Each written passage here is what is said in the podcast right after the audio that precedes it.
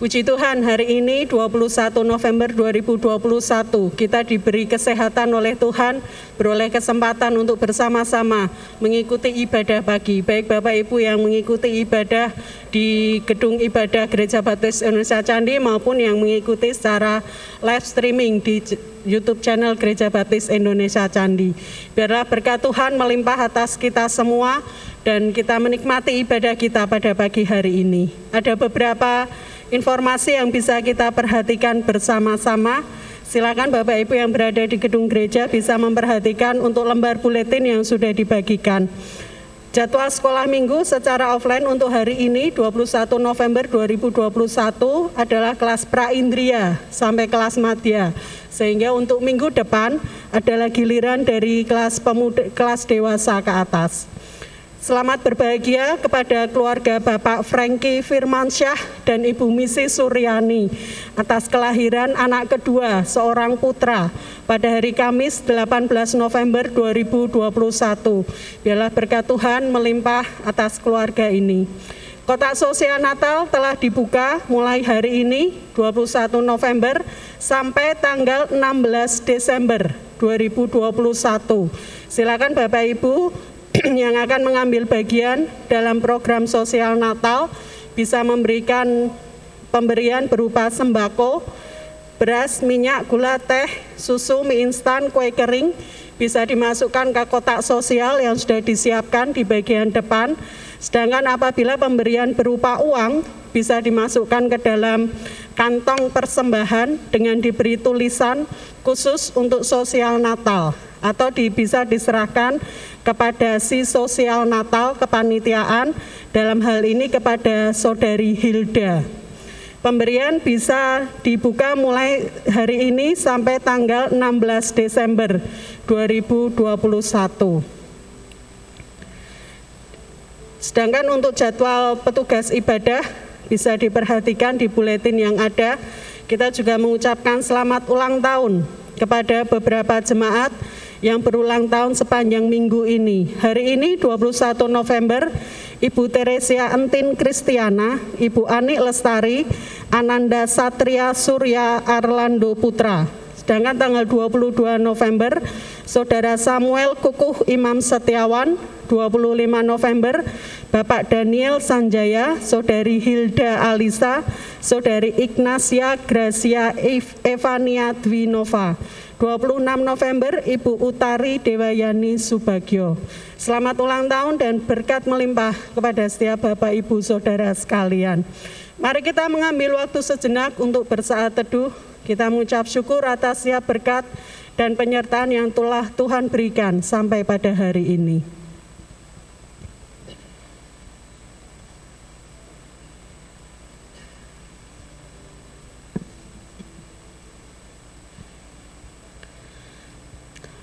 Pemasmur di dalam Mazmur 145 ayat 1 sampai 2 mengungkapkan kerinduan hatinya.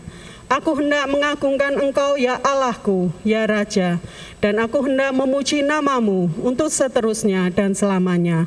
Setiap hari aku hendak memuji Engkau dan hendak memuliakan namamu untuk seterusnya dan selamanya.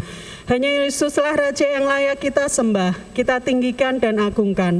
Untuk seterusnya dan selamanya, puji-pujian kita naikkan. Biarlah pujian kita menjadi dupa yang harum di hadapan Tuhan dan menyenangkan hati Tuhan. Tuhan, ku mau menyenangkanmu.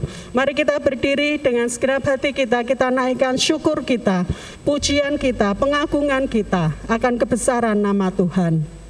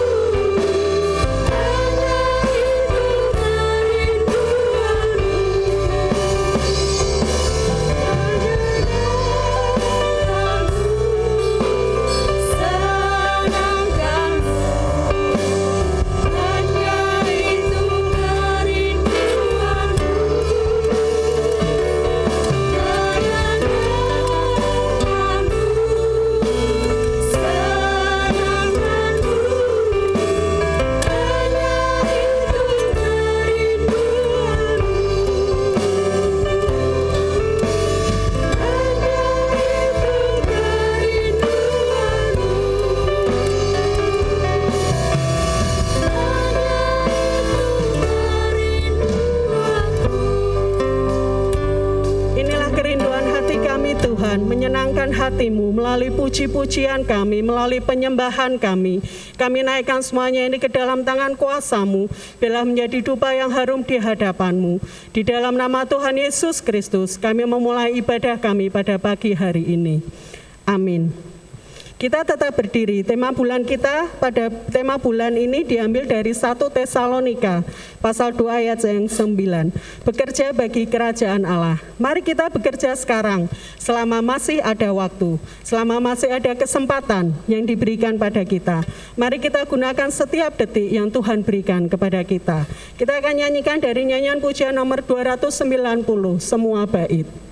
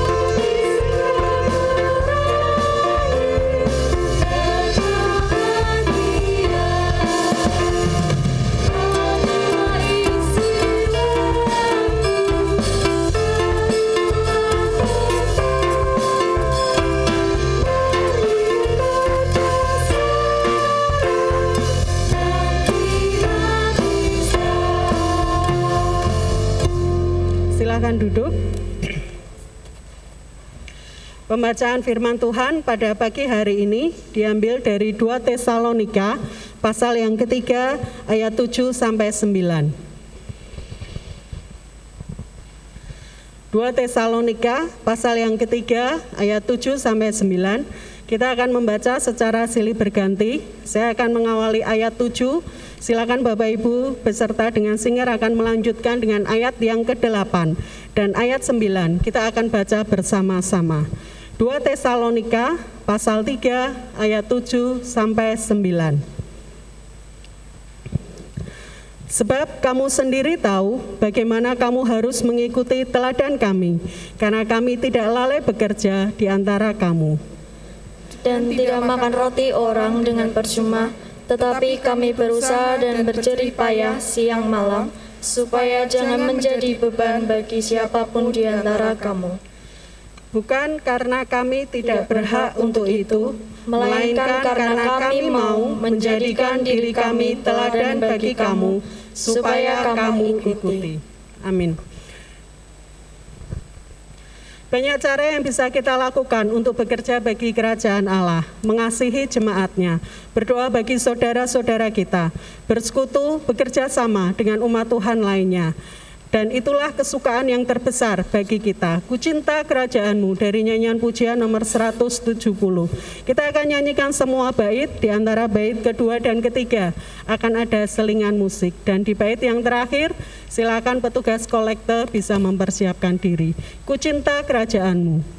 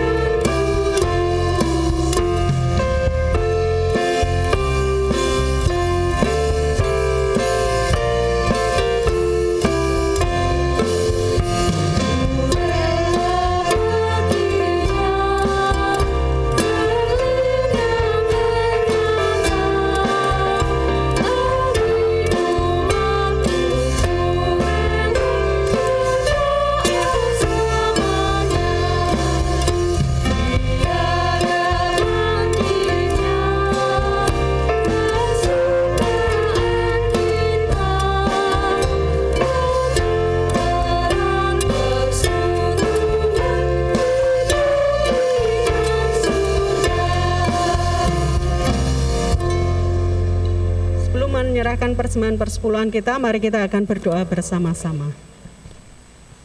Terima kasih Tuhan untuk hari ini karena Engkau bisa mengumpulkan kami untuk bersama beribadah hari ini.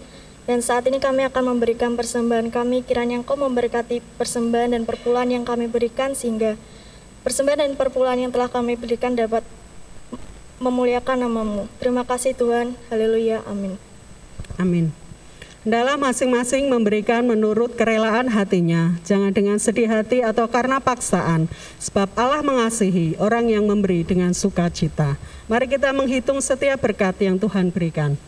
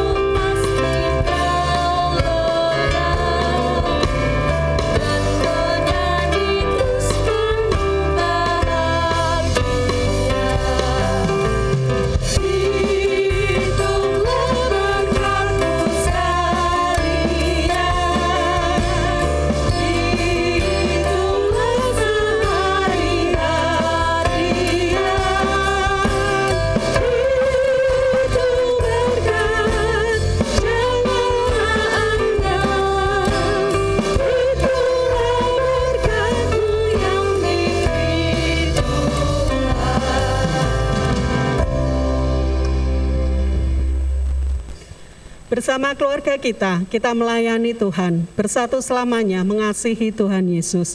Tidak ada yang dapat melebihi kasih Tuhan. Bagi kita, dia adalah segalanya. Biarlah ini selalu menjadi kerinduan hati kita, bersama-sama bekerja bagi pekerjaan Tuhan, bersama dengan keluarga kita.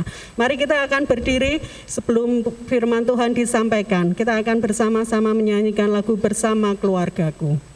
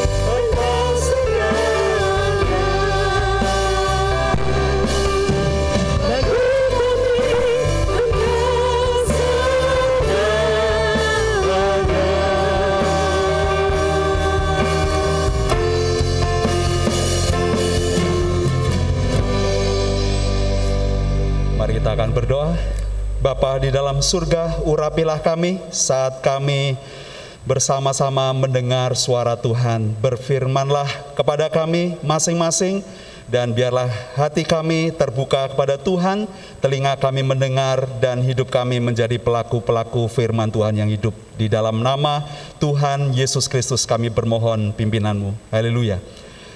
Amin. Silakan duduk kembali, saudara-saudara. Saudara, Kebaktian dua ini saya akan berkhotbah dengan tema teladan dan teamwork ya. Teamwork itu adalah gotong royong atau unit kerja atau pekerjaan yang dikerjakan bersama-sama, uh, satu pekerjaan tapi dikerjakan secara bersama atau satu tujuan dikerjakan secara bersama. Saya ingin membaca mengulang dalam 2 Tesalonika pasal yang ketiga ayat yang ketujuh sampai ayat yang ke-9 menjadi teks dasar uh, khotbah hari ini.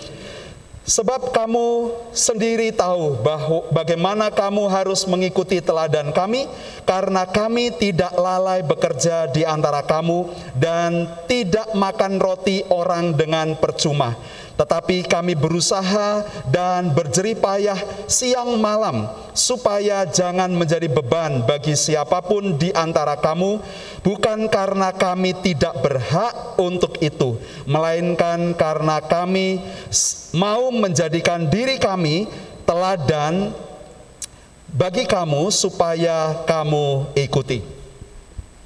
Saudara-saudara, eh, gambar yang pertama itu ada perahu ya. Kalau perahu itu terisi dengan air dan tidak ada kerjasama bagi orang-orang yang di dalamnya untuk menyeimbangkan, maka perahu akan tenggelam dan semua orang yang ada di dalam perahu itu akan karam ya. Kapal akan terbalik kalau semua panik dan tidak bekerja sama.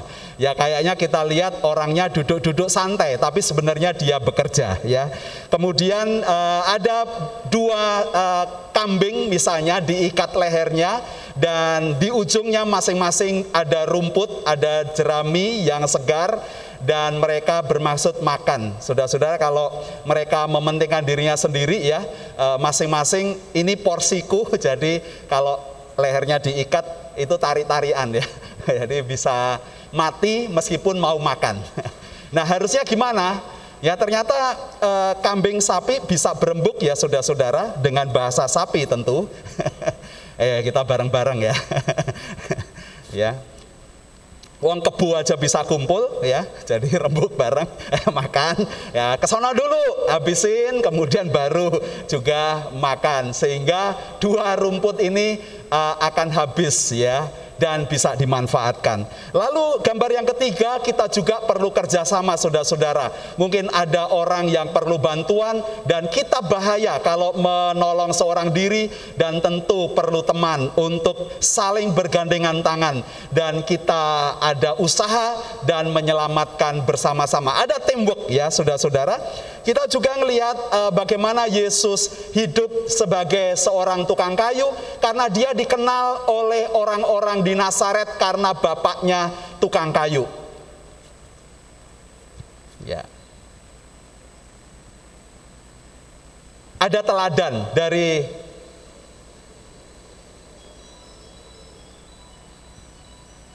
gambar sebelumnya. Ya. HP-nya diterima dulu, Bu.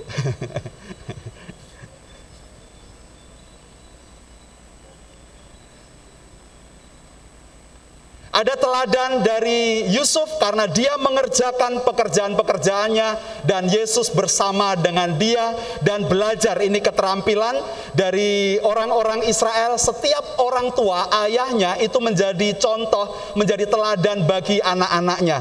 Jadi pekerjaan mereka bukan hanya sekedar bekerja saudara-saudara, tetapi sebenarnya memberikan, menanamkan nilai-nilai untuk hidup.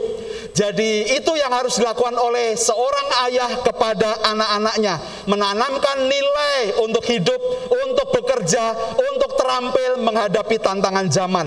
Dan biasanya setiap tahunnya, maka saudara bisa lihat dalam uh, Lukas ya uh, pasal yang kedua bahwa Yesus selalu dibawa ke bait Allah setiap tahunnya oleh orang tuanya. Ibunya laporan tentang perkembangan rohani, pendidikan rohani oleh seorang ibu kepada anaknya dan ayahnya juga melaporkan sampai Yesus usia 12 tahun dia disebut sebagai anak hukum uh, Yahudi. Orang-orang ini dilatih di dalam keluarganya untuk bekerja. Saudara-saudara, teladan dan teamwork itu menjadi tema bagi kita. Yang pertama saudara-saudara, mari perhatikan ayat 7 sampai ayat yang ke-9 ini bahwa Paulus berkata uh, melalui firman Tuhan hari ini kita juga mendengar bahwa dia bekerja dengan strategi teladan. Teladan menjadi strategi di dalam bekerja. Jadi jangan pikir bahwa teladan itu hanya sekedar contoh yang kita tinggalkan saudara-saudara, tetapi kita bisa bekerja dan memakai teladan sebagai strategi untuk bekerja. Nah, kita akan lihat beberapa frase yang menunjukkan tentang ini. Ayat 7 eh, Paulus berkata bahwa dia tidak lalai bekerja. Ini teladan tentunya. Dia tidak lalai bekerja. Kemudian uh, ayat yang ke-8 ditunjukkan bahwa dia tidak makan roti orang dengan percuma. Ayat yang ke-8 juga dia menjadi teladan untuk tidak menjadi beban bagi siapa pun. Dia bekerja, dia melayani Tuhan, tetapi juga secara bivokasi saudara-saudara, dia bekerja untuk menopang kehidupannya. Dia tidak menjadi beban siapa pun, ya uh, dua ayat ini sudah memberi bukti kepada kita bahwa Paulus dan orang-orang yang bersama dengan dia, dia membuktikan menjadi teladan. Sekalipun ayat yang ke-9 berkata dia punya hak untuk menerimanya, dia punya hak untuk menerima pemberian dari jemaat, sudah bisa lihat kitab Filipi misalnya, jemaat Filipi itu membawa persembahan untuk mendukung pelayanan bagi Paulus dan timnya. Tetapi dia berkata, meskipun aku punya hak untuk menerima pemberian-pemberian itu, tetapi dia memilih menjadi teladan. Nah ini hal yang penting saudara-saudara, bahwa teladan menjadi strategi di dalam bekerja kita. Nah, sering kita tidak melihat ini sebagai hal yang strategis ya, bahwa teladan hanya sekedar untuk menjadi tinggalan, menjadi warisan. Tetapi sebenarnya waktu kita bekerja, saudara-saudara, supaya pekerjaan kita berdampak, supaya pekerjaan kita efektif, supaya pekerjaan kita akan bekerja sekalipun kita berhenti untuk bekerja, kita harus bekerja menggunakan teladan sebagai contoh dan sebagai strategi untuk bekerja. Dan ini dilakukan oleh Paulus dan firman Tuhan untuk kita. Dia memilih menjadi teladan bagi kamu. Saudara, di dalam kehidupan kita, dalam pekerjaan kita, kita pengennya menjadi orang yang penting. Menjadi orang single fighter yang kalau saya tidak bisa mengerjakan, tidak ada orang yang bisa mengerjakan, supaya orang selalu membutuhkan kita. Tidak ada yang salah dengan itu, tetapi waktu Anda berhenti bekerja, pekerjaannya akan berhenti. Waktu saudara sudah tidak bekerja, maka tidak ada profit lagi. Kalau kita tidak mengerjakan pekerjaan dengan strategi teladan, saudara-saudara, kita di masa depan akan kehilangan orang-orang yang bisa mengerjakan pekerjaan kita dengan efektif. Kalau kita tidak mengerjakan pekerjaan kita dengan teladan saudara-saudara, maka kita akan kehilangan orang-orang yang bisa ambil bagian di dalam pekerjaan kita. Dan biasanya pekerjaan-pekerjaan waktu ditinggalkan orang, orang yang baru memulai dari nol. Saudara-saudara, ini persoalan yang kita hadapi di dalam dunia kerja dan juga di dalam pekerjaan, apalagi dalam pelayanan melayani Tuhan di dalam pelayanan di gereja. Saudara, teladan harus menjadi strategi pekerjaan bagi kita dan teladan kita akan bekerja untuk hasil-hasil yang berdampak. Sebenarnya pekerjaan kalau kita kerjakan dengan teladan saudara-saudara ini seperti autopilot ya. Jadi orang sekarang uh, misalnya setir pesawat itu tidak selalu pegang kemudinya saudara-saudara. Dia sudah menombol semua titik-titik koordinat destinasi, semua ukuran-ukuran uh, pesawat di udara, ya di angkasa, waktu ada badai seperti apa, ada laporan cuaca dan dia harus setel kecepatannya dan dia mengarahkan kepada titik destinasi, melihat awan-awan mana yang bergelom, uh, bergerombol, saudara-saudara, biasanya tidak ditembus ya, dan mereka membuat putaran uh, dengan koordinat-koordinat dengan destinasi yang sudah ditata sedemikian rupa oleh alat-alat instrumen di dalam kokpit pesawat itu supaya bisa autopilot. Jadi artinya saudara-saudara waktu kita mau bekerja dan teladan sebagai strategi bagi kehidupan kita untuk bekerja, bekerja untuk hasil yang berdampak. Itu yang namanya role model, saudara-saudara. Ya, role model, teladan.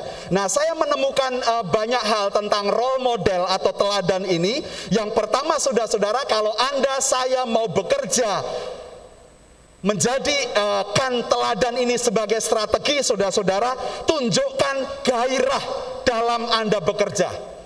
Tunjukkan gairah untuk anda melayani Tunjukkan gairah untuk Anda datang dalam ibadah. Tunjukkan gairah untuk Anda berdoa. Tunjukkanlah gairahmu di dalam mengerjakan pekerjaan-pekerjaan Anda. Karena dengan Anda bergairah untuk mengerjakan pekerjaan-pekerjaan kita, Anda sudah bekerja dengan teladan. Jadi ini hal yang penting saudara-saudara kalau mau menjadi role model. Yang kedua, kita harus menjadi inspirasi bagi orang-orang lain dengan ide-ide kita. Saudara harus membuat orang terinspirasi, orang mempunyai pendapat yang sama, tujuan yang sama, keterampilan yang sama Anda tunjukkan supaya Anda bisa menginspirasi orang dengan gagasan-gagasan Anda karena orang akan follow Anda. Orang akan ikuti Anda. Nah, ini dalam bahasa medsos itu viral ya, Saudara-saudara. Kita perlu mengerjakan hal ini ya. Kita juga diminta untuk menunjukkan komitmen kita.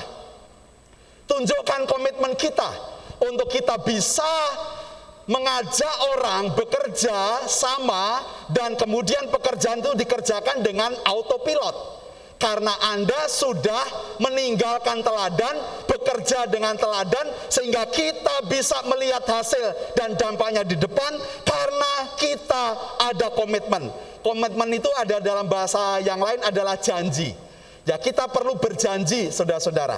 Punya komitmen komitmen untuk berdoa, komitmen untuk bekerja, komitmen untuk jujur di dalam bekerja, komitmen uh, yang baik dalam membuat perencanaan-perencanaan, membuat komitmen yang baik supaya kita bisa berjanji untuk menyelesaikan sampai akhir saudara-saudara kita perlu punya komitmen supaya kita juga menjadi role model saudara-saudara menjadi teladan tunjukkan kemampuan Anda untuk menyelesaikan pekerjaan sampai goal atau tujuan dicapai. Nah ini hal yang penting saudara-saudara dalam kita bekerja melayani Tuhan Ya, kalau Martin Luther dan uh, itu Bapak Reformasi Kristen dan kemudian Fransiskus dari Assisi itu uh, seorang ordo dari Katolik juga, uh, kemudian dia juga mempunyai iman yang diperbaharui. Dia berkata bahwa dia tidak membedakan antara pekerjaan sekuler dan pekerjaan rohani. Ya, malah sekarang ini kan banyak ya pekerjaan rohani dikerjakan dengan cara-cara sekuler, ya atau bahkan yang tanda kutip sekuler itu yang dosa, yang curang, yang jahat itu pun dikerjakan di dalam gereja saudara-saudara. Nah kita perlu balance dan kita perlu uh, tahu bahwa kedua tokoh ini berkata keduanya tidak dipisahkan. Keduanya adalah ladang pelayanan kita, tempat kita bekerja. Di tempat itulah kita harus menunjukkan nilai-nilai kerajaan Allah di dalam tempat kita bekerja tetapi juga di dalam pelayanan kita. Sama saudara-saudara.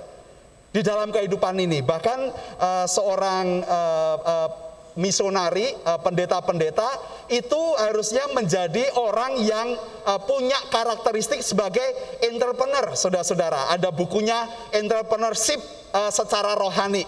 Itu di seminari diajarkan itu, saudara-saudara. Karena uh, betul ya, saudara-saudara, orang punya keterampilan untuk merintis gereja. Nah itu tidak gampang, itu pekerjaan yang yang sulit ya. Dan orang diberikan karunia, diberikan keterampilan untuk bisa melakukan itu. Tunjukkan kemampuan Anda untuk mencapai goal, tujuan, dan hasil yang harus dikerjakan dalam sebuah pekerjaan atau suatu organisasi. Saudara juga dan saya kalau mau menjadi role model saudara-saudara, ikuti melakukan hal yang sama. Nah, ini namanya TOT ya. Train, training uh, training uh, of trainer, pelatihan untuk pelatih. Atau juga train, trainer for trainers. Pelatih untuk pelatih, TOT. Saudara-saudara kita perlu melakukan ini juga karena kalau kita bisa mengerjakan hal yang sama dilakukan oleh berbagai macam orang dengan latar belakangnya, maka kita sudah menyiapkan pasukan-pasukan yang akan bisa mengerjakan, bisa bekerja sama dan seorang pemimpin jadilah role model teladan supaya teladan menjadi strategi Anda untuk bekerja.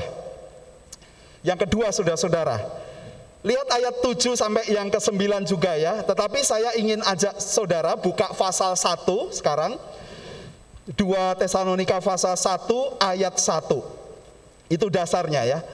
Nah, bagian yang kedua ini adalah bekerja sebagai tim. Bekerja sebagai teamwork.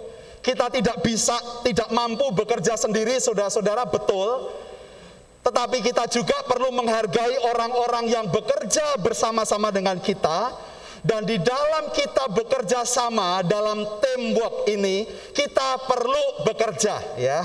Ada orang dalam tim, biasanya ini kelompok belajar ya. Mau ke mana? Misalnya uh, saya pakai nama anak saya, Joas. Joas mau ke mana? Mau belajar kelompok. Tapi biasanya kalau belajar kelompok, yang belajar-belajar, yang ngerumpi, yang ngerumpi. Betul ya?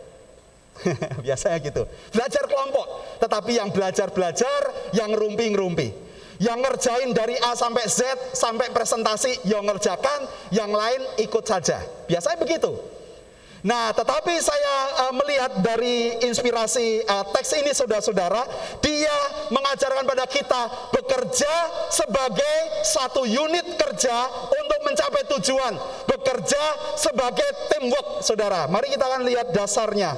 Kalau bekerja sebagai teamwork dalam pasal 1 ayat 1 itu disebutkan dari Paulus, Silvanus atau Silas ya, kemudian namanya uh, disebut Silas dan Timotius. Nah ini yang dimaksudkan oleh Paulus waktu dia berkata dalam ayat 7 pasal yang ketiga ayat 7 sampai dengan ayat yang ke-9 terkait dengan kata kami. Yang dimasukkan Paulus bukan saya, bukan Paulus saja, tetapi kami. Siapa kami? Kami ayat 1 pasal 1 ayat 1 mengatakan Paulus, Silas atau Silvanus dan Timotius. Saudara-saudara, kami ditunjukkan sebagai satu contoh teamwork kelompok kerja, unit yang kerja, yang bekerja untuk memberitakan Injil. Paulus punya empat kali perjalanan pemberitaan Injil. Sudah bisa melihat dalam peta perjalanan penginjilan Paulus ya di uh, lembar-lembar uh, terakhir dari Alkitab cetakan. Saudara-saudara, Anda bisa melihat dan bongkar pasang uh, anggota itu biasa ternyata. Bongkar pasang uh, timnya. Nah, saudara tahu bahwa Paulus pernah dikhianati oleh Yohanes Markus. Yohanes Markus meninggalkan waktu Paulus dan teman-temannya ada dalam kesulitan dan ditinggalkan oleh uh, Markus dan sempat itu menimbulkan perdebatan perselisihan antara Paulus dengan Barnabas. Semula Paulus dan Barnabas pergi bersama menjadi satu tim saudara-saudara, tetapi karena keponaan Barnabas yang bernama Yohanes Markus ini itu mengkhianati pekerjaannya, dia tidak tahan dengan penderitaan dan kesulitan yang dihadapi oleh uh, tim penginjilan Paulus ini sehingga dia pulang duluan. Dan Paulus menegur dia karena orang ini sudah meninggalkan uh, Paulus dan teman-temannya yang ada dalam keadaan menderita. Ya sudah-sudah kalau Anda uh, saya tinggalkan dalam keadaan yang baik-baik tentu tidak merasa apa-apa. Tapi kalau sedang ditinggalkan dalam keadaan menderita, wah, saudara merasa wah ada kepahitan ya sakit hati. Seperti Paulus rasakan juga. Dan itu menimbulkan perpisahan antara uh, Paulus dengan Barnabas. Tetapi Anda melihat di teks selanjutnya, Paulus dan Barnabas bisa kembali bekerja sama. Dan Paulus menyebutkan Yohanes Markus ini adalah orang yang sangat berguna bagi pelayanan Paulus. Luar biasa. Kadang kita kalau dalam tembok itu ya saudara-saudara, kalau orang sudah diberi stigma yang jelek, misalnya saya memberi stigma yang jelek, oh Pak Eko itu begini. Itu dibawa sampai mati saudara-saudara. Saya sudah berubah yang baik pun tetap diterima yang jelek. Biasanya demikian kan? Itu dalam kelompok kerja demikian, saudara-saudara. Tapi kita mendapat teladan dari Paulus bahwa dia berkata, Yohanes Markus ini orang yang sangat berguna bagi pelayananku. Tolong bawa dia kepadaku. Betul saudara-saudara, dalam pertobatan Markus, Yohanes Markus ini, dia adalah penulis Injil Markus itu, saudara-saudara. Dan uh, luar biasa, bagaimana Paulus bagaimana Roh Kudus bekerja dalam pelayanannya dan Paulus juga menganggap ini sangat penting. Yohanes Markus ini yang semula menjadi penyebab perpecahan dalam tim kelompok teamworknya dia, tetapi dia berkata bawa Yohanes Markus ini kepadaku karena orang ini sangat penting, sangat berarti bagi pelayananku. Saudara-saudara, itu bagian yang pertama. Bagaimana kita tahu tentang kata kami. Yang kedua, buktinya saudara-saudara, Anda bisa lihat frase yang terakhir dalam ayat yang ke-9. Supaya kamu ikuti. Supaya kamu ikuti. Nah, biasanya pemimpin itu begini saudara-saudara. Pemimpin itu kalau nggak ada orang ikut, yang penting dia maju, jalan terus. Coba cari teman-teman di dalam tengah-tengah perjalanannya. Demikian, itu uh, jiwa entrepreneur itu kayak begitu saudara-saudara. Biasanya pemimpin-pemimpin akan demikian. Kalau orang yang dia punya tidak bisa diajak untuk bekerja mencapai tujuan dan goal, maka dia akan terus berjalan di depan dan Tuhan akan menunjukkan orang di kanan kirinya pada perjalanannya untuk menjadi tembok yang baru di dalam pelayanannya. Saudara, ini hal yang sangat penting. Dan Paulus kalau uh, firman Tuhan berkata kepada kita supaya kamu ikuti. Jadi maksudnya bahwa Paulus tentu ingin orang-orang yang dia layani di Tesalonika bersama-sama dapat melayani Tuhan, bekerja memberitakan Injil. Saudara-saudara, itu hal yang uh, penting kalau Anda lihat dalam pasal 1 2 Tesalonika pasal 1 dari ayat 3 sampai dengan ayat 12 tetapi saya baca saja ayat 3 sampai ayat yang keempat saja ya saudara-saudara. Kami wajib selalu mengucap syukur kepada Allah karena kamu, saudara-saudara.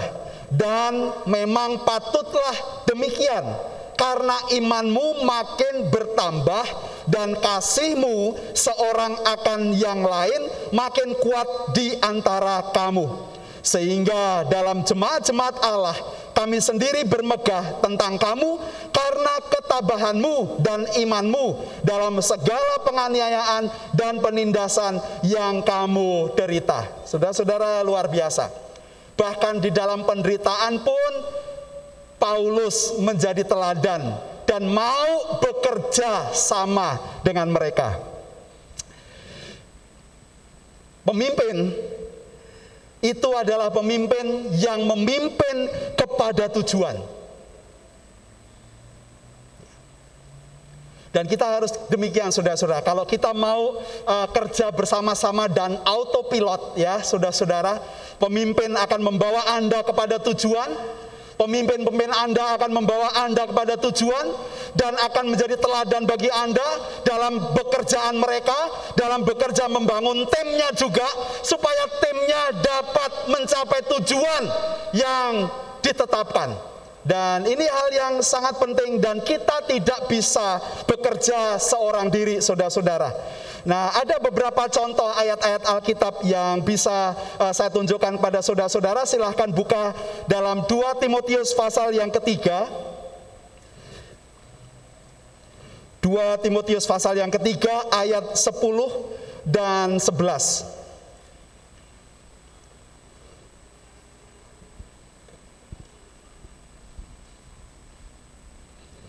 Tetapi engkau telah mengikuti ajaranku cara hidupku, pendirianku, imanku, kesabaranku, kasihku, dan ketekunanku. Engkau telah ikut menderita penganiayaan dan sengsara seperti yang telah ku derita di Antioquia dan di Ikonium dan di Listra. Semua penganiayaan itu ku derita dan Tuhan telah melepaskan aku daripadanya. Kita juga bisa melihat di dalam Filipi 1, saudara-saudara. Filipi 1.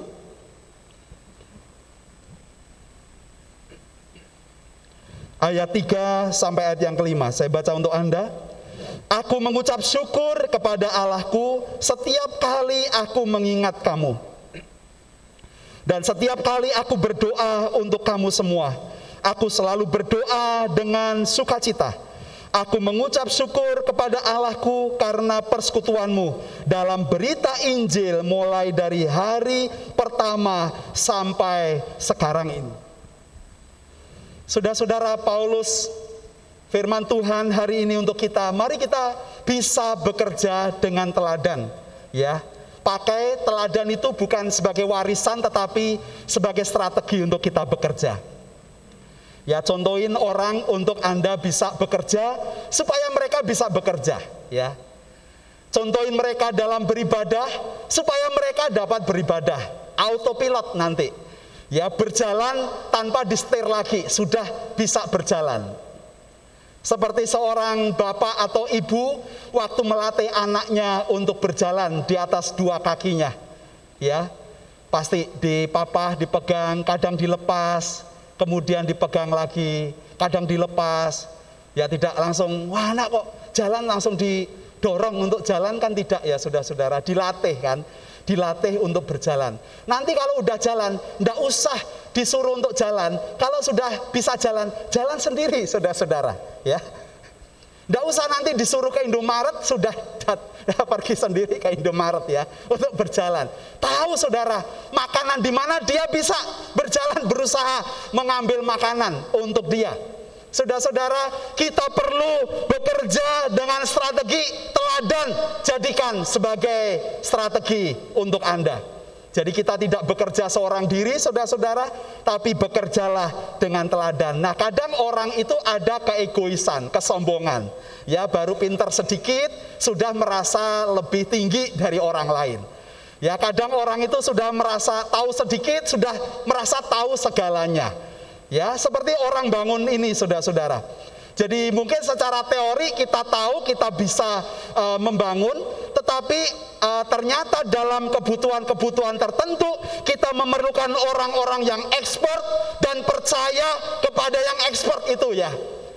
Jadi meskipun saya bisa komen, oh gentengnya harus gini gini gini gini, tapi kalau disuruh untuk noto genteng sendiri, pasti kita takut ya. Kita mikirin, oh berat badan saya, nanti mikirin ranknya kuat atau enggak, gentengnya bagaimana susunannya. Tapi kalau secara teoritis, oh mungkin kita bisa. Saudara-saudara ini yang namanya bahwa kita perlu bekerja bersama dan sama-sama bekerja. Nah, kalau kita mau menjadi orang yang efektif, saudara-saudara, bekerjalah dengan teladan sebagai strategi dan bekerjalah di dalam kelompok. Bekerjalah secara teamwork, saling mengasihi, saling membantu, saling menopang supaya orang bisa mengerjakan pekerjaan yang sama seperti kita Seperti Paulus mengatakan kepada kita, firman Tuhan hari ini kepada kita bahwa bukan karena kami tidak berhak untuk itu, melainkan karena kami mau menjadikan diri kami teladan. Itu yang pertama, menjadikan diri kami teladan bagi kamu supaya kamu ikuti bekerja dengan teamwork. Amin. Mari kita berdoa.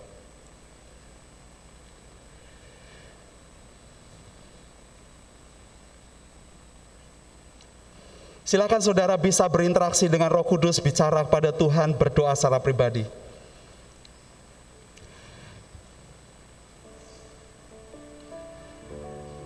Kalau saudara saya, kita semua belum bekerja dan menggunakan teladan sebagai cara kerja kita, contoh sebagai cara kerja kita, teladan sebagai strategi bekerja kita Saudara bisa minta pada Tuhan, Tuhan, supaya aku bisa bekerja dan menggunakan teladan sebagai strategi untuk meningkatkan kinerja, untuk bekerja di ladang Tuhan, untuk bekerja dalam panggilan Tuhan. Silahkan saudara-saudara, Silahkan maju ke depan, berdoa kepada Tuhan bersama-sama dengan kami. Ada pendeta muda Bayu, ada saya, bisa berdoa bagi Anda. Mungkin dalam pergumulan Anda, firman Tuhan berkata supaya kita memberikan diri kita pertama-tama kepada Tuhan. Sehingga kita juga bisa dan dimampukan memberi diri kita kepada orang lain. Yang percaya yang yakin bahwa Tuhan Yesus adalah Tuhan dan Juru Selamat, yang mau mengakuinya di hadapan Tuhan, mari datanglah berdoa bersama-sama dengan kami. Silahkan saudara-saudara. Mungkin yang saudara punya pergumulan dalam pekerjaan Anda, yang sulit, yang berat, tantangan-tantangan yang ada, silahkan Silahkan ke depan dan kami mau berdoa untuk Anda. Silahkan saudara.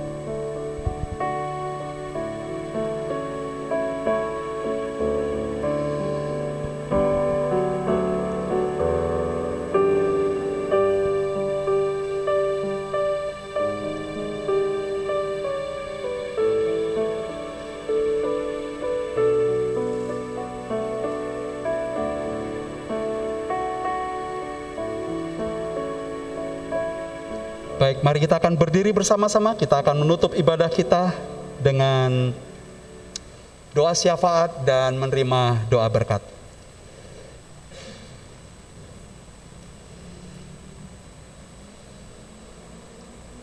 Bapa di dalam surga, biarlah kami, anak-anakmu, persekutuan gereja kami, pelayanan kami, kami ingin selalu memberikan untuk Tuhan. Kami melakukannya untuk Tuhan. Tetapi juga biarlah kami punya spirit untuk bisa bekerja dengan keras, kami bekerja dengan baik, dan kami bisa memakai teladan sebagai strategi di dalam bekerja. Dan biarlah Tuhan akan memperluas pelayanan kami, memperluas jangkauan pekerjaan kami, dan kami juga dapat bekerja bersama-sama untuk meningkatkan kinerja kami, untuk kami memberi yang terbaik kepada Tuhan dan setiap pergumulan-pergumulan kami Tuhan, Engkau Allah yang menjawab dan Allah yang mengabulkannya.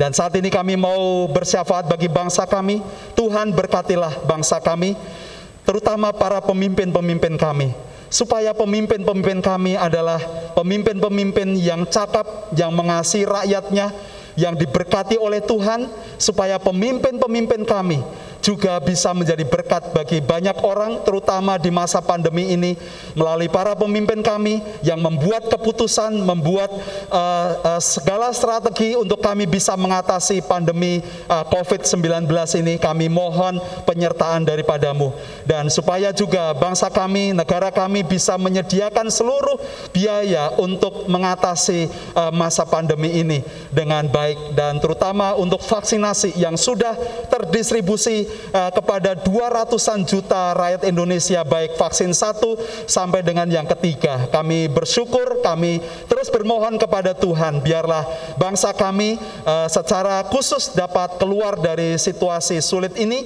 dan dapat mengerjakan pekerjaan seperti biasa tetapi juga dapat menjadi berkat bagi bangsa-bangsa lain memperhatikan mereka yang membutuhkan, yang kekurangan terkait dengan masa pandemi ini. Terima kasih Tuhan dan kami rindu bahwa bahwa gereja ini, persekutuan kami akan menjadi gereja yang berdampak, yang menjadi teladan bagi gereja lain, menjadi orang-orang yang belum kenal Tuhan.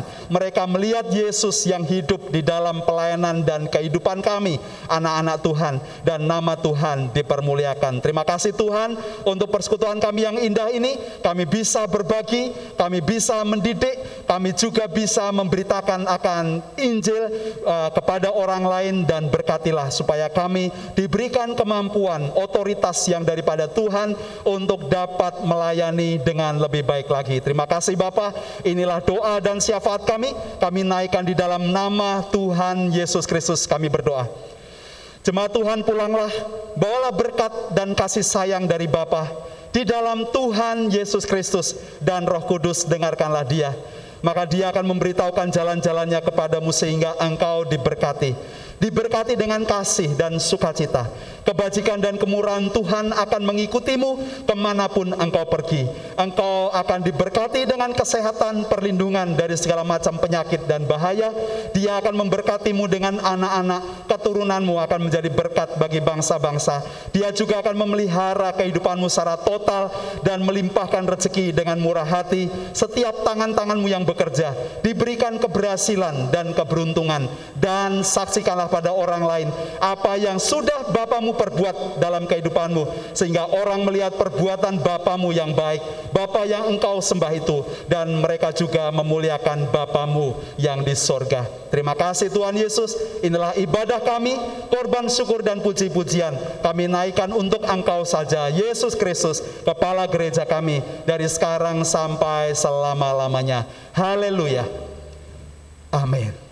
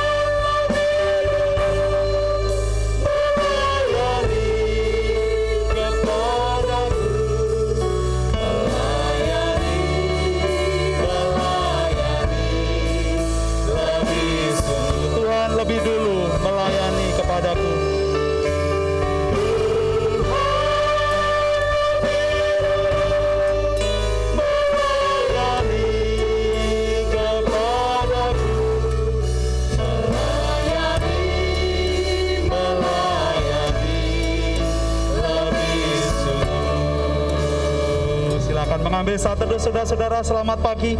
Bekerja bagi kerajaan Allah. Tuhan Yesus memberkati